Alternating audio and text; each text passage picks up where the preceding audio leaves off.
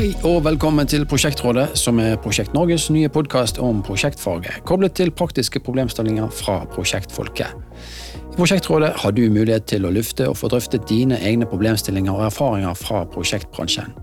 I Prosjektrådet står vi klar til å hjelpe deg uansett hva du lurer på om prosjekt, prosjektledelse og prosjektstyring. Ta kontakt med Prosjektrådet i dag, så drøfter vi kanskje din problemstilling i en av våre kommende episoder. Send oss da dine spørsmål til post krøllalfa prosjektnorge.no. Mitt navn er Alexander Strand, og jeg har fått gleden av å skulle lose oss gjennom disse diskusjonene i Prosjektrådet. Med meg har jeg fast rådsmedlem Bjørn Andersen, som er professor ved NTNU og senterleder for Prosjekt Norge.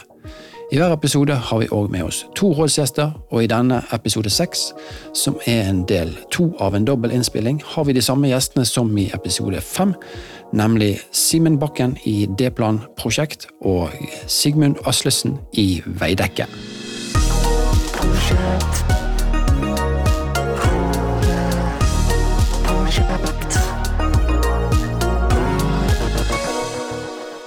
Vi hopper videre, vi. Hei, Prosjektrådet. Jeg håper at Prosjekt Norge kan snakke mer om program- og porteføljestyring. Hvilke bransjer og fagmiljøer er best på porteføljestyring? Jeg ser sjøl at det er mest fokus på ett og ett prosjekt, og da blir program og portefølje mer teori enn praksis? Spørsmålstegn. Vet ikke hvem som vil begi seg ut på å si noe her. Kan jo begynne litt fra forskningssida, for dette er et tema vi har jobba mye med de siste årene, både i Prosjekt Norge og kanskje spesielt i, i konseptprogrammet, som jo ser på de store statlige investeringene. Men vi har også en, en såkalt kunnskapsarena i Prosjekt Norge, som dreier seg om eier- og porteføljestyring, som Jon Lerheim ved BI driver, driver på med. Ja. Men vi hadde en studie nylig i Konsept, eller et par år siden, som kartla porteføljestyring i offentlige etater. Og generelt så fant vi at dette er ganske umodent. Mm. Så det at innskriveren her sier at Ja. dette vet man kanskje ikke så mye om, det tror jeg er for så vidt sant. Jeg tror det er mer utbredt i privat sektor, der man har større frihet til å forvalte sine porteføljer og, og prosjekter. Men eh, i hvert fall i offentlig sektor så vil jeg peke på to som i hvert fall i den studien vår så ut til å ha kommet langt. Det var Forsvaret og Nye Veier. Og det tror jeg skyldes litt at de har mer en, en samla bevilgning som de kan forvalte sjøl til enkeltprosjekter. De får ikke tildeling per prosjekt. For det er klart, får du fra prosjekt til prosjekt, så har du ikke så mye spillerom på det. Og så vet vi at Bane Nor har nylig begynt å gå over til å tenke enkeltprosjekt til effekt, og da større frihet til å tenke portefølje, så de jobber med et system for dette. Så jeg tror dette er på, på vei. Og den store fordelen er jo at da kan du stå fritt til å flytte ressurser mellom, fremskynde, ta ned tempoet i noen prosjekter. Hvis noen kommer opp som viser seg ha større gevinst enn andre, så kan du trekke de frem i porteføljen Mm. og sånne ting. Men det krever jo også eh, både måling, oppfølging og prioriteringskriterier, og noen som kan ta disse beslutningene. Så det er ikke helt enkelt heller. Jeg skjønner at det tar tid å få dette på plass. Altså litt av eh, fordelen med en sånn eh, porteføljetankegang er at du kan se risiko liksom, Mm. litt på tvers av flere prosjekter.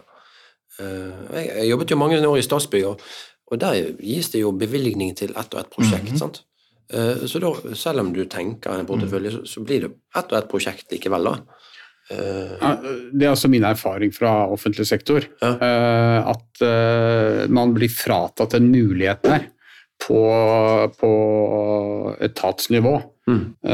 Og at den porteføljestyringen ligger med på, et over, eller på departementsnivå. Mm. Og jeg tror at du, du fratar eh, etaten en, en, en god styringsmulighet ved å gjøre det på den måten. Mm. Eh, For det er som du sier, Bjørn, altså at eh, man, man, man, man, man kan redusere redusere risikoen og, totalt sett, naturlig nok, hvis man har de, hvis man har de ulike, uh, ulike verktøyene å kunne bruke. Da. Eh, og, og, og få rett og slett mer fleksibilitet i, i, eh, i dette. Og i, eh, I staten så er det også sånn at bygg og brukerutstyr er to ulike poster på statsbudsjettet også. Så, så når du da bygger et stort, komplisert bygg som har brukerutstyr og bygg, så har du ikke den eh, fleksibiliteten heller. For det tilligger da Stortinget å kunne gjøre den overflytningen mellom de to postene. Er sånn er det, og det, det blir jo da en eh, noe man må forholde seg til og, og, og styre etter. Eh, Men man kan jo diskutere om det er med på å øke eller redusere risikoen både for enkeltprosjektene og for porteføljen, porteføljen totalt. Da. Mm. Uh, så, men en annen ting med porteføljestyring er, For mange år siden så prøvde, jobbet vi med å se på hvordan man kunne spre porteføljen også i forhold til gevinst. Da. At du skal satse på de prosjektene i en virksomhet. Og det følte jeg at det ble litt vel teoretisert. At du brukte finansteori på dette. Ja. Og du skulle liksom plassere de rundt, og, da skal du, et, da skal du være veldig moden. Mm. For å si at nå skal vi satse på utviklingsprosjekt som styrker det, det effektmålet og, det, og, et annet effektmål. Ja, man, man, man, kan teoretisere seg litt bort fra virkeligheten her også, da, fordi at det å styre store prosjekt er noe annet enn å swappe aksjer. Så, så det har en grense den veien. Men jeg tenker mer på gjennomføringssida så tror jeg det er eh, veldig lurt å kunne se, hvis du er en virksomhet som har mange prosjekter, å se dette i en helhet. Altså. Ja, Sigmund, du er jo fra Veidekke, som har jo veldig mange prosjekter. Mm. Der, der, tenkes det sikkert portefølje på, på produksjonssiden. ja, altså, vi, vi, har jo noe innarbeida noe som vi kaller for Veidekkes prosjektmodell. Da, ja. uh, som innebærer egentlig sånn prosjekteier- og prosjekt, porteføljestyring. Da. Mm. Uh, og jeg kjenner ikke det så inngående, men jeg kan si litt om hvordan vi jobber, det, jobber med det i, med utgangspunkt i standardisering av den standardiseringsgruppa. For vi, I den gruppa mi så har jeg jo en som ledere for hvert av de fire segmentene som vi ønsker å ha størst mulig andel av våre prosjekter på. Altså, og det er liksom kontorsegment, bolig, skole og helsebygg. Mm. Uh, og hver av de ledes liksom av en sånn eh, egen eh, person som, som, gjerne har inngående kunnskap om, om akkurat det segmentet. Mm.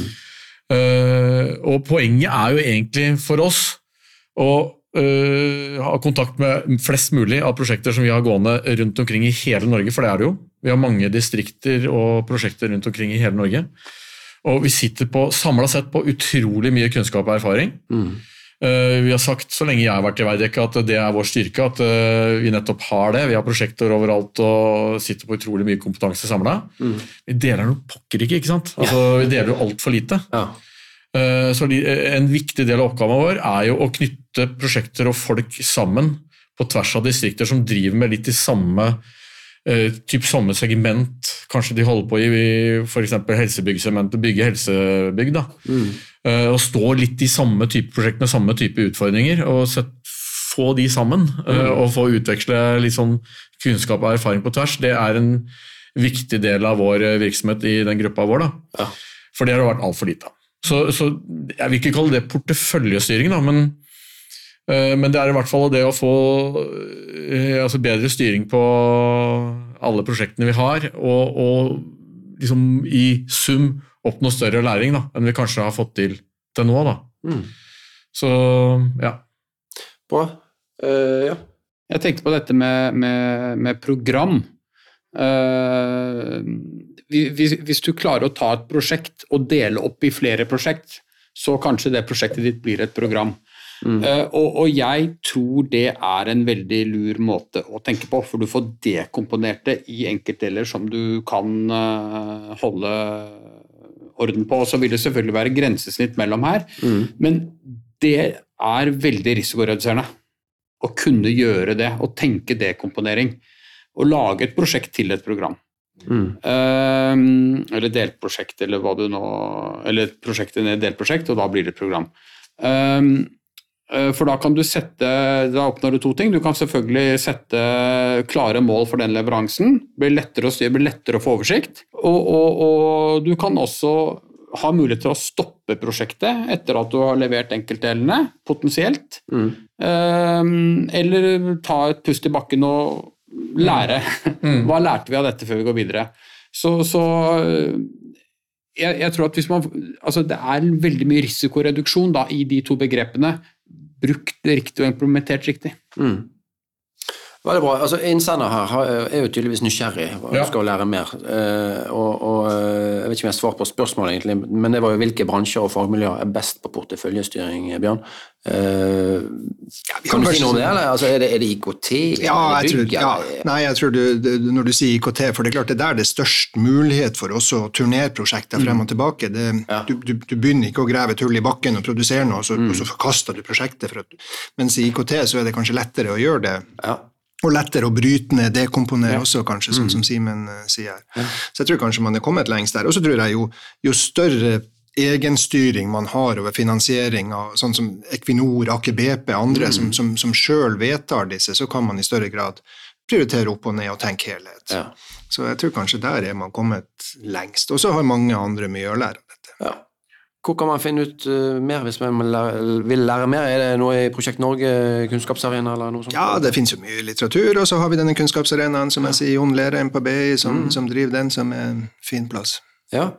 Jeg, jeg, bare kom på en ting for det, angående det Simen sa om sånn risikodiversifisering og liksom dra inn finans. Da, men, og Det er klart at det, det, holder jo ikke vi på med som en, altså på den måten man gjør det i finansmarkedet, kanskje, um, eller som finansaktør. Men det er klart, vi er jo veldig opptatt av å ikke bli for tunge mm. i ett segment. Typ F.eks. For forretningsområdet Oslo. Da.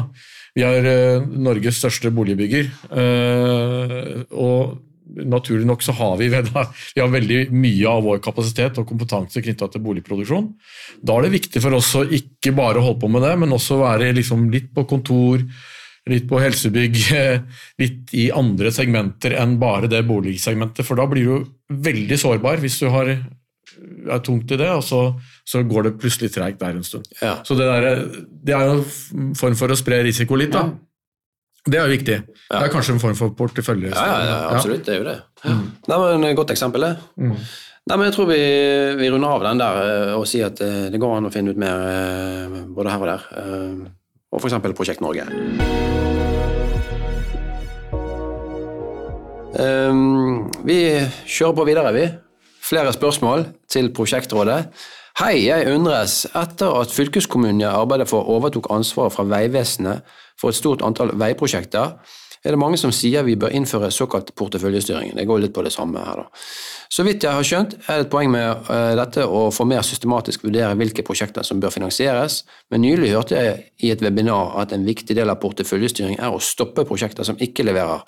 Dette høres for meg helt tåpelig ut. Eh, vi kan da ikke bruke penger på prosjekter og så bare stoppe dem, slik at alle forbrukte midler er bortkastet. Hva tenker dere, er det bortkastet hvis man stopper et prosjekt, eller er det fornuftig eh, vurdering av altså, i prinsippet, da, verdier? I prinsippet så skal du vel ikke ta hensyn til det som har skjedd når du eh, skal foreta en investeringsbeslutning fra nå og framover. Da er sunk cost skal ikke med. Mm. Eh, så det blir jo Og det er eh, intuitivt ikke så lett å få med seg, men det er jo faktisk sant. At det kan jo faktisk lønne seg å ikke fortsette en vei, en vei du har påbegynt. Det høres jo litt ekstremt ut, men det er jo prinsippet man må forholde seg til da, når du skal gjøre den type vurderinger. Det er litt dumt hvis det er en bru, da. Det er litt dumt. Ja, ja. Nå i hvert fall sette klare stoppskilt. Vennligst ikke kjør her. Men, men, men, men, men, det hun eller han ser på som tåpelig, det er jo faktisk sånn det er. Ja. Det er det som er vurderingen som til enhver tid skal gjøres. Mm. Og jeg tror det at verden lider av Litt pompøst, kanskje. Altså, det er altfor få prosjekt som stoppes. Ja. Fordi at de bare fisler ut. Og det er så veldig dyrt. Mm. Og det har jeg sett i mange virksomheter, private virksomheter jeg har vært, vært inne i, som har x antall utviklingsprosjekt, f.eks. Mm. Og så blir det en sånn generell oppfatning etter hvert at dette skal vi ikke gjøre. Mm. Og så er det kanskje managementet enig om det for lenge siden, men de tør ikke fortelle det til eh, han som jobber med det fordi at han er så kjempeengasjert. Og da blir det en lavere omkostning å la han holde på enn å faktisk gå vet du hva, nå må du gjøre noe annet. Mm. Og det tror jeg er kjempeutbredt. Eh, for du får en sånn hale som eh, For det første så bruker folk tid på det, og for det andre så bruker ikke de som bruker tid på det, tid på noe annet som hadde vært i fartsretningen. Mm. Mm. Så, så, jeg tror at eh, det denne kommunen gjør er veldig lurt, det. Jeg tror du er inne på noe viktig her. for det, Jeg tror jo, du kan kjenne på det sjøl. Når du har brukt penger på et eller annet, ja. Eh, så, så, får du en eller annen følelse av at dette må du få verdi igjen for. sant? Eh, og hvis du da må bare avslutte det prosjektet, så hvor blir det den verdien? Det var ut vinduet, det. Jo, ja. men hvis, hvis, hvis, alternativet er at du da investerer i et annet prosjekt som har en mye høyere nytteside, mm -hmm. og, og, og, kanskje lavere kostnad eller mer nytte per krone, eller noe sånt, så er det jo prinsipielt riktig, da, mm. faktisk. Og så spørs det jo litt hvor langt prosjektet kommet, og allmennhetens altså Hvis du ser ei halv bru som står der, og da slutter du fordi at nå skal du bygge en annen tunnel, ja. så tror jeg jo det vil, det vil komme Da kommer du i avisene, i hvert fall. Det, ja, ja. Det, men det kan jo være et mål, det òg. Det, kan, det, kan selvfølgelig. Men, men poenget at det du er inne på da, er at vurderingskriteriene må være flere enn, bare det økonomiske. Ja. Fordi at omdømme er også en viktig sak. Da. Så, så, det er jo å ha spennet på, eller ha de riktige vurderingskriteriene når du fatter den beslutningen om du skal gå videre eller ikke. Ja. Mm. Og så gjør Jeg jo det. Jeg nevnte jo Forsvaret på forrige spørsmål, hvem ja. som er god på dette. og de har jo, Er det ikke et helikopteranskaffelse som de etter ganske lang tid bare avslutta nå, kontrakt med italiensk leverandør, og sier at sunk cost, ja, mm. men det får vi finne oss i. Dette ja. prosjektet har ikke lenger den gevinsten og den nytten som vi Men Er det riktig som Simen sier her, at vi stopper for få prosjekter? Ja, det tror jeg. Jeg tror generelt, og jeg, og jeg tror ofte er jo sånn at eh, de som fremmer prosjekter og ønsker å bygge noe, vet at bare du kommer på lista som blir finansiert nok til å sette i gang et forprosjekt eller et eller annet, så blir du aldri stoppa. Da har du klatra opp på hylla, og da, da sitter du trygt. Ja. Mm. Og, og, og, det å ha et ris bak speilet, som det vil være at prosjekter faktisk stoppes iblant, det er jo kanskje også en mekanisme for å sikre edruelighet i det her. Mm. Du, ja. Et uh, sidespørsmål til det er jo setter vi i gang for mange prosjekter? Sannsynligvis. Sannsynligvis. Mm. For, for altså, det er mange prosjekter som blir dratt i gang, og mange, mye av det er bra fordi at enkeltpersoner syns dette er kjempe, kjempemoro, spennende og brenner for noe. Og det er sannsynligvis riktig i mange tilfeller. Men så er det nettopp det å få en, få en porteføljestyring på dette her, da. Og at man gjør vurderinger underveis på om, og kvalifiserer om den ideen vi syns var kjempegod for et år siden, er den fremdeles god. Mm. Mm. Er de effektene som vi la til grunn da fremdeles reelle, eller har det endret seg? Mm. Både fordi at, og det kan endre seg på mange måter fordi at markedet har endret seg, det blir mye dyrere å gjennomføre det enn vi hadde trodd, uh, etterspørselen endret seg. Mm. Så, så, det er flere sånne ting som er på å påvirke det. Men, men greia her er vel at man med jevne mellomrom evaluerer prosjektene etter et sett kriterier. Og du var jo mm. inne på noen kriterier som mm. går på diversifisering. Hvor skal vi satse mest mm. nå? Det er jo ett eksempel. Men, men, det at en virksomhet har, har, en bevissthet rundt hvilke kriterier som er viktige for oss, og hva er vårt målbilde, som et utgangspunkt for sånne porteføljemøter, det tror jeg bare er sunt. Mm. Ok, Skal vi oppsummere med at eh, det er lov å ombestemme seg, da, mm. når man har gjort en vurdering? Eh, og er det sønnkost, så er det sønnkost dessverre. Men kanskje du kan bruke de fremtidige midlene på mer fornuftige ting, da. Ja. Ok, Da hopper vi videre til spørsmål om ledelse. Hei, prosjektrådet. Standardisering av arbeidsprosesser blir ofte fremhevet fra toppledelse som en måte å øke måloppnåelsen i prosjektene mens ledelsen i prosjektene ønsker gjerne større rom for fleksibilitet. Hva er fasiten? Hva er riktig her? Fleksibilitet eller standardisering og måloppnåelse?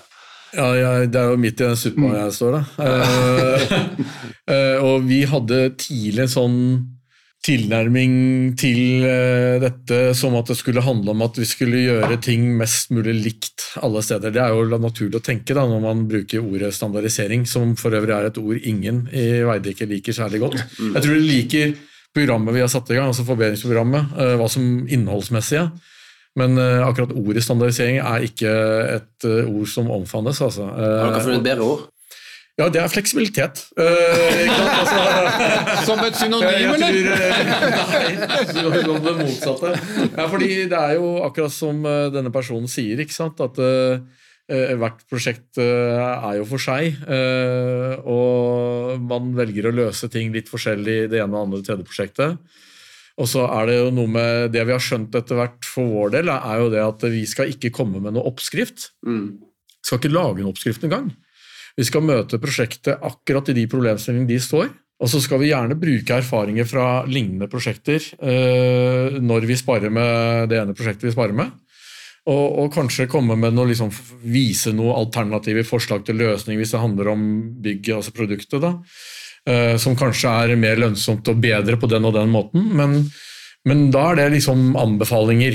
Eh, men som jeg var inne på sånn innledningsvis, så tenkte vi tidlig at eh, f.eks. når det gjaldt boligprosjekter og bæresystem, så skulle det være eh, liksom plattendekker og plastøpte vegger. Det var det vi skulle gå for, for det holdt på med her i Oslo. Her går det jo så det griner etter på boligsiden, liksom. Ja. Så det skulle vi liksom gjennomføre overalt. Og så fant vi ut ganske fort da, når vi da satt og spara med boligprosjekter oppe i Trondheim og Stavanger og alt sånn, at prisene eh, på Plattendekket f.eks. er jo helt forskjellige eh, ulike steder. Så du kan jo ikke bare si at én mal passer overalt. Mm. Det er jo ulike ting som spiller inn her, så du, du må ha, være lydhør da, for at det vil være variasjon. Mm. Men jeg, sånn utover det så tenker jeg at eh, vi vet jo nå, vi ser jo nå mer og mer når vi har holdt på med dette i tre år snart, hva som funker og hva som er lønnsomt.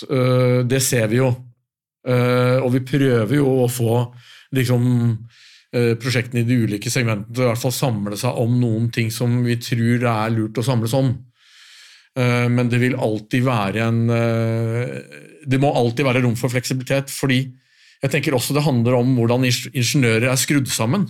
Mm. At man ønsker jo å ha litt utfordringer og prøve å finne ut ting for seg sjøl. Hvis det bare skulle vært sånn at her har du oppskriften fra A til Å i denne mappa, så bare følg den til punkt og prikke, så er, ordner ting seg. Jeg tror ikke det er like inspirerende for alle ingeniører rundt omkring. altså. Nei, det er jeg helt enig med deg. Ja. Så jeg, man må liksom være litt varsom med å dra dette for langt, Ja. tenker jeg.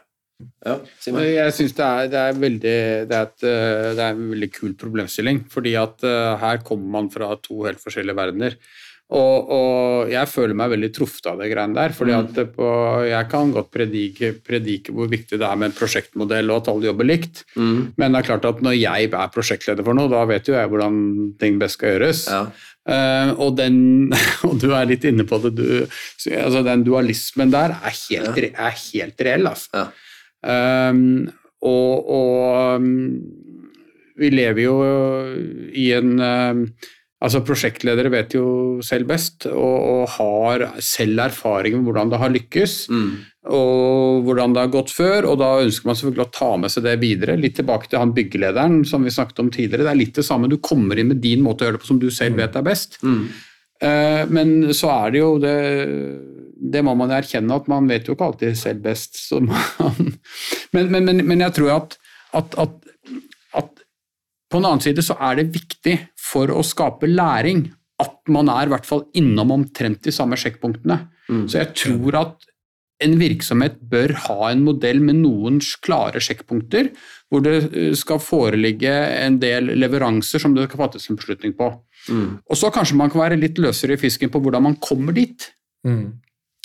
Så jeg har mer tro på en sånn modell, for sånn uh, veldig detaljerte beskrivelser på aktivitetsnivå, at du må gjøre det sånn og sånn og sånn, og du må bruke, der må du bruke blått, og der må du bruke rødt, det tror jeg For det første bruker man veldig mye tid på å skrive det, for det andre så tror jeg ikke det blir brukt. Og for det tredje så tror jeg ikke det er lurt å gjøre det sånn.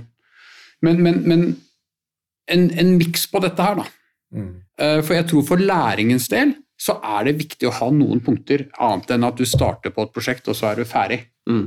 Da det, det blir vanskelig å trekke ut. Så som sagt, jeg, jeg, tror å løse litt opp på de tradisjonelle eh, prosjektmodellene vi ser rundt omkring, som er altså det er noe malverk herfra til eh, evigheten.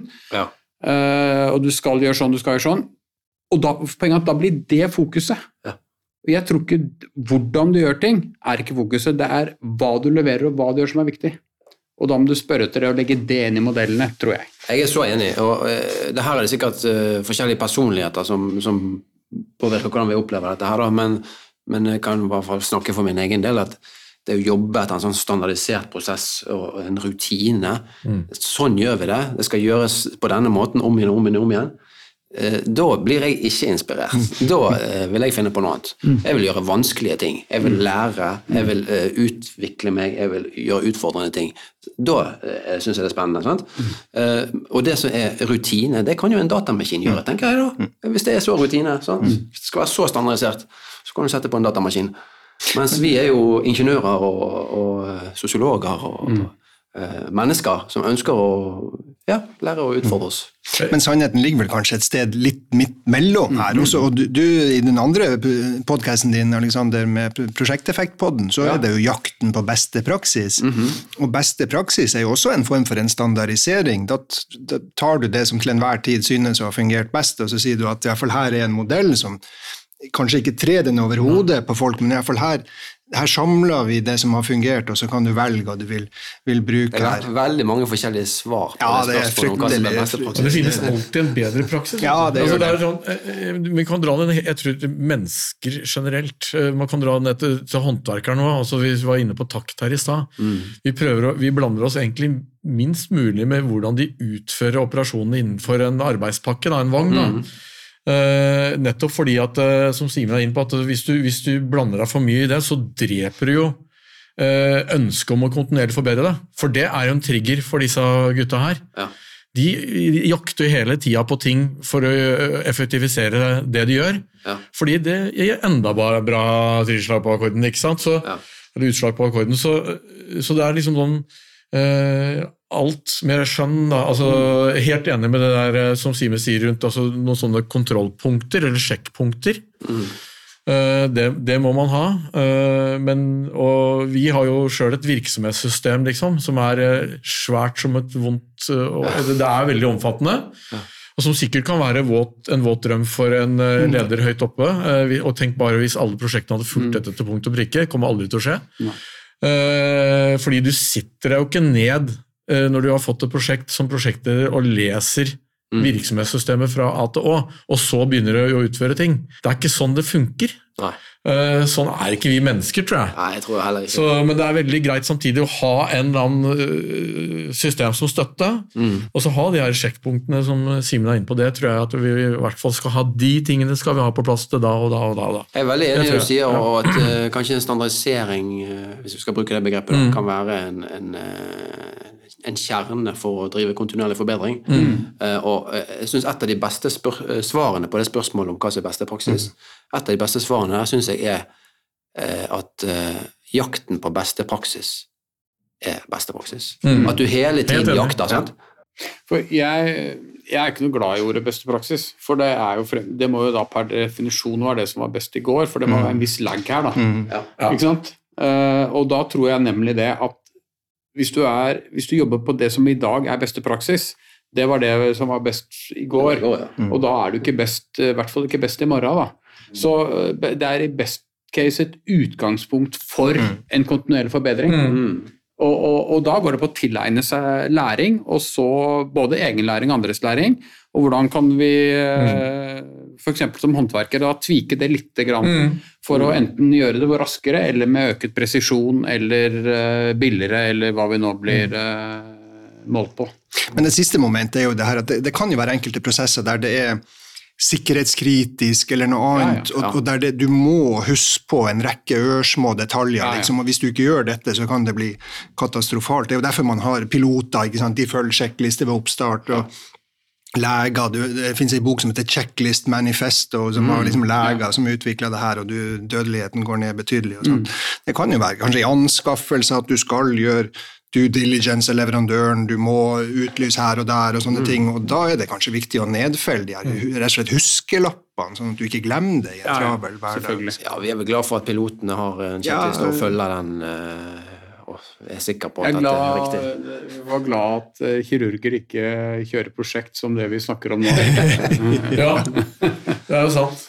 Ja, for jeg tror sånn I bestrebelsen på at vi skal gjøre alt riktig, og at vi får med oss alt, så tror jeg man liksom mm. gjerne ender opp med noe altfor omfattende. Mm. Det, det er liksom å finne den der middelveien, da. Men hvis vi vrir litt på det, Bjørn, er det sånn at vi i prosjektverden er, er vi litt for opptatt av å finne opp kruttet hele tiden? Det kan være. Jeg husker for noen år siden, etter, etter oljepriskrisa og sånt, så var det eh, et eller annet konsulentfirma som hadde gått gjennom mange offshoreutbygginger. Og de fant jo at når det gode tida oljeprisen er, er høy, så, så øker antall prosjekteringstimer per tonn stål betydelig. og De, de kaller det altså, tailoring og goldplating og liksom hver ventil. Det finnes 100 ventiler som er nokså like, men hver er spesialprosjektert for akkurat sitt formål. Ja. Fordi at ingeniørene elsker å sitte og tvike det her. ikke sant? Ja. Mens når oljeprisen går ned, og du må spare penger, så jo du kan prosjektere én, og så produsere den 100 ganger, og det er godt nok.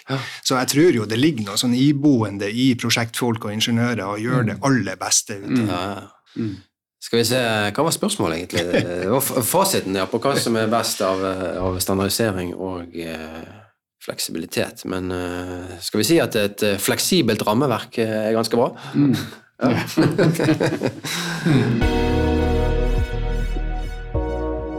ok, vi tror vi tar eh, siste spørsmålet her nå. Uh, tiden flyr. Uh, hei, Prosjektrådet. Jeg har hørt og lært litt om prinsipper fra smidige IKT-prosjekter. Jeg jobber i bygg- og anleggsbransjen og lurer på hvordan vi kan ta i bruk disse prinsippene i vår bransje. Hva er fordeler og ulemper sammenlignet med fossefall, og hvordan er økonomien i smidige prosjekter? Uh, skal vi ta først kort, hva, er, hva betyr smidige prosjekter, og hva betyr fossefall? Vil du si noe om det, Bjørn? Jeg, kan, jeg er ikke noen ekspert, men jeg kan prøve meg. Fossefall er jo typisk at du planlegger ting i sekvens. og Én ting er ferdig, og så det neste, og så det neste, og så det neste, til du kommer i mål. Mm. Og Smidig betyr at du i større grad har iterasjoner. Du går mm. i sirkler, og gjerne det som i kalles sprinter. Du har kanskje et par ukers sprint der du, du jobber frem det, Han sier jo IKTH, eller hans IKT-prosjekt. Du mm. jobber frem en mockup av et skjermbilde og en funksjonalitet, og så tester du det på brukerne. Funker det? Mm. Hvis ikke, så tar du en ukes sprint og kommer tilbake med en revidert modell osv. før du begynner virkelig å produsere kode bak det her. og mm. sånt. Så det ligger jo det iterative. og det, det, er smidig. Det er ikke et, et fossefallsplan som er liksom smekk, smekk, smekk i avhengighet av at den er veldig stiv. Mm. Får du noen forstyrrelser i den, så bryter den liksom fra hverandre. Mens en sånn smidig hjul, det kan du liksom knake litt på, så går det mm. bra. på. Ja, disse IKT-prosjektene har vel gått uh, veldig mye over til smidig. Ja. Jeg husker vel noen IKT-prosjekter som var veldig store, mm. og, og, når de først ble overlevert, så var uh, på en måte tiden gått fra dem. Ja. Så det å få kontinuerlig avsjekk på eh, leveransen, er dette her det mm. kunden vil ha? Mm. Det er vel et av prinsippene òg i, i sånn smidig mm. gjennomføring. Ja, eh, Kan dette brukes i bygg- og anleggsbransjen? Det var et spørsmål som vi faktisk i, da heter Norsk senter for prosjektledelse, men det var forløperen til Prosjekt Norge. Og i 2010 så var det forsker Eva Amdal Seim og Elisabeth Krogh så nettopp på det her. Hvordan kunne man ta prinsipper fra det heter jo da agile på engelsk, dette ja. smidig, hvordan kunne man bruke det i bygg og anlegg? Og de fant jo at det var primært en slags ny tankemåte på et vis, når nettopp dette, denne interaksjonen mellom ulike aktører og det å tenke iterasjon var det viktigste. Og at det kan du bruke spesielt i en prosjekteringsfase, forprosjekt, prosjekteringsfase, før du begynner å bygge noe. Så kan du jo lage en mock-up av et rom sitte i et møterom her med glass og skjermer og alt, så kan, det kan jo tegnes og visualiseres, og så kan brukere komme inn og se funka det her for formålet, og hvis ikke, så kom tilbake om ei uke, da har vi en ny modell, og så har vi tegna det på nytt. og sånt. Så, mm. Så, så, da kan man jo sikre at, at, bruken og funksjonaliteten er som man ønsker, før man da begynner å bygge på det. Nei, Egner seg best i prosjekteringsfasen, da? Det er kanskje vanskelig å si at du har begynt å bygge dette rommet, og så kommer noen brukere inn og sier nei, det, døra burde være der, og sånn, så må vi rive det ned, og så må vi begynne på nytt igjen. Det er i hvert fall litt ja, Det er ikke effektivt. Nei. Jeg har lært av min uh, kollega Ole Jakob Hagen er støpt, er bestemt. Ja. det er godt, godt sagt. Ja, det, det, er noe i det. Altså, så, så, jeg tror også at i prosjekteringsfasen så kan man jo jobbe Men der er det jo store muligheter mm. for hvordan man jobber. Uh, jobbe til lean-prinsipper, lappe, lappeplanlegging. Uh, takt der også. Hva skal vi gjøre i neste 14-dagersperiode? Mm. Kommer der, kommer tilbake. Vet du hva, det funker ikke. Vi kommer tilbake 14 dager etter. Du kan være, der kan det være mye mer smidig i prosjektstyringen og i styringen mm. av, i prosjekteringsfasen. Prosjek, altså Prosjekteringsfasen er jo logistikk, informasjonslogistikk. Mm. Uh, og der er det jo mye likere IT-prosjekter, mm. eller i prinsippet helt like mm. IKT-prosjekter. Ja. Men uh, når du som sagt begynner å grave og i hvert fall støpe, da er fleksibiliteten mye mye lavere. Mm. Men at man kan tenke annerledes i prosjekteringsfasen, mm. istedenfor sånn postkasseprosjektering hvor uh, først uh, jobber arkitekten, og så osv., osv., osv. Der tror jeg og, men, men, der skjer ja. det jo mye òg. Det gjør det. Der skjer det mye òg, mm. syns jeg. At, at, det blir jobbes annerledes og mye mer uh... altså, Vi tar vel egentlig i bruk dette her i byggebransjen, ja. og spesielt prosjekteringen og sånt. Ja. VDC er vel bygget rundt sånne sprinter mm. og sånt, temabasert. Og, ja, ja, og det mm. funker jo fint. Uh, bra, er min erfaring, altså. Ja. Hvordan i Veidekke, Har dere har god erfaring med, med den type Nei, Det er jo akkurat som Bjørn er inne på her. altså Vi bruker det jo i og, og Simen, altså som, eh, vi bruker det jo i, i prosjekteringen. ja, mm. I prosjekteringsprosessen. Og Scrum er vel egentlig litt av det samme, er det ikke det? da? Ja. Uh, og det kan typisk være på sånn eh, sånn samspillskoordinator på et, eh, et prosjekt nå, Oslo Atrium. Ja. Eh, og der har du det Bygget er allerede bygd, men skal totalrehabiliteres. Ligger nede på Barcode. Eh, der er det noen grep man skal gjøre. eh, og noen sånne konstruksjoner som krever liksom, eh, veldig mye oppmerksomhet fra alle fag. Da. Mm. Eh, Da er det naturlig å tenke at her man jobber litt annerledes, for det er så mange iterasjoner som Bjørn er inne på, som griper i hverandre. Det er mange eh, avhengigheter. Eh, Og der ser jeg i hvert fall for meg at det er en fordel om man kan i hvert fall delvis sitte samlokalisert. da. Eh, Nettopp for å få liksom bedre kontroll på det, på det og ha, eh, som Simen er inne på, sånn hyppige avsjekker for sånn Ja. hvor ligger vi an nå? Hvor ligger vi an nå? Mm. Eh, Så du har en styring på det som du følger en framdrift samtidig. da. Mm. For ellers så er det jo sånn som eh, du var inne på i stad, Bjørn, at eh, det er jo tross alt ingeniører, så man kan jo grave seg ned i komplekse problemstillinger. Og da, oppnår man, og da oppnår man jo også at folk jobber omtrent samme rekt, Ja. eh, retning, Mm. hvis du har eh, hyppige avstemninger. Mm. Ellers så sitter jo folk og prosjekterer i hver sin retning. Ja. Og det Jo lenger unna man er hverandre, jo dyrere blir det å Mm. ta det inn igjen. Så, Mm. så det er altså en sånn god konsekvens av Mm. å bruke den type metodikk da, i Mm. prosjekteringsfasen. Et uh, delspørsmål her var jo hvordan er økonomien i smidige prosjekter. Vet vi noe om det? Nei, Det kjenner jeg i hvert ikke til noen forskning på, men sånn intuitivt så skulle man tro at det, det, det er billigere å, og, å sitte sammen, gjerne samlokalisert, og i, i, liksom bryne seg på hverandre før man har lagd for mye endelige beslutninger og design, så, og så må neste faget komme og ta over, og så må man kanskje tilbake og gjøre om igjen. Det er absolutt, absolutt eh, min erfaring òg, at hvis du kjører sånne prosesser skikkelig Mm. Og jeg har opplevd det at når man er ferdig, så er det ingen som skjønner at det gikk så fort og man brukte så lite timer. Mhm. Fordi at man jobber mye tettere sammen, og du får avsjekkene. Eh, Det går over bordet. Ok, du gjør sånn, da må jeg endre hos meg. Mm. Istedenfor at det kommer på en mail som leses etter tre uker. Ja. Og da har man gjort noe i de tre ukene imellom. Ja.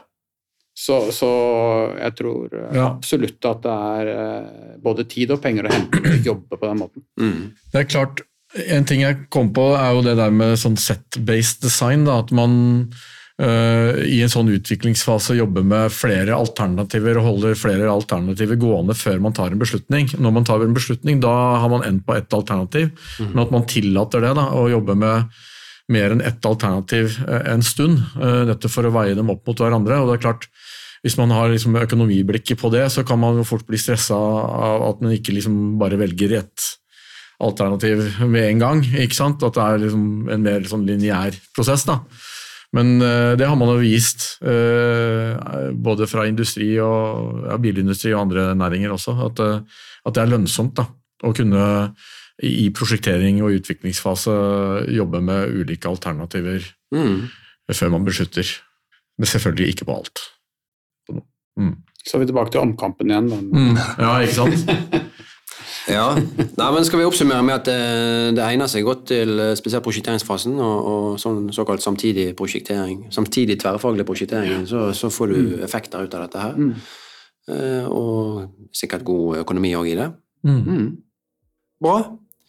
Jeg tror vi skal runde av eh, dagens innspilling, da. Og så sier jeg tusen takk for bidraget fra deg, Sigmund og Simen. Eh, og selvfølgelig deg, Bjørn. Eh, og sier eh, takk for praten, og så høres vi i neste episode. Mm. Takk for meg. Takk for meg. Hei igjen, det var episode seks av Prosjektrådet, og jeg håper du fikk noen varierte synspunkter og noen interessante problemstillinger fra prosjektverden. Og nå kan du glede deg til neste episode, der vi annet skal snakke om bærekraft og grønnvasking og mange andre ting. Hvis du liker Prosjektrådet, så kan du abonnere på Prosjektrådet i din podkastspiller, så er du sikker på å få med deg alle episodene når de kommer ut. Prosjektrådet er Prosjekt Norge sin podkast om prosjektledelsesfaget og kobling til problemstillinger i praksis. Har du en vanskelig situasjon i ditt prosjekt og lurer på hva du skal gjøre? Har du kanskje et prosjektdilemma som du ønsker innspill på? Eller har du en vanskelig ledelses- eller samarbeidssituasjon i prosjektet ditt? Vi i Prosjektrådet ønsker å høre fra deg, så drøfter vi kanskje din problemstilling i en av våre kommende episoder. Send oss da dine spørsmål eller tema på post krøllalfa prosjektnorge.no. Og lytt gjerne til vår søsterpodkast Prosjekteffektpodden, som du finner på prosjekteffekt.no, eller der du liker å høre podkast. Prosjektrådet er produsert i samarbeid med T2 Prosjekt, og mitt navn er Alexander Strand. Og jeg ser frem til vi høres i neste utgave av Prosjektrådet. Men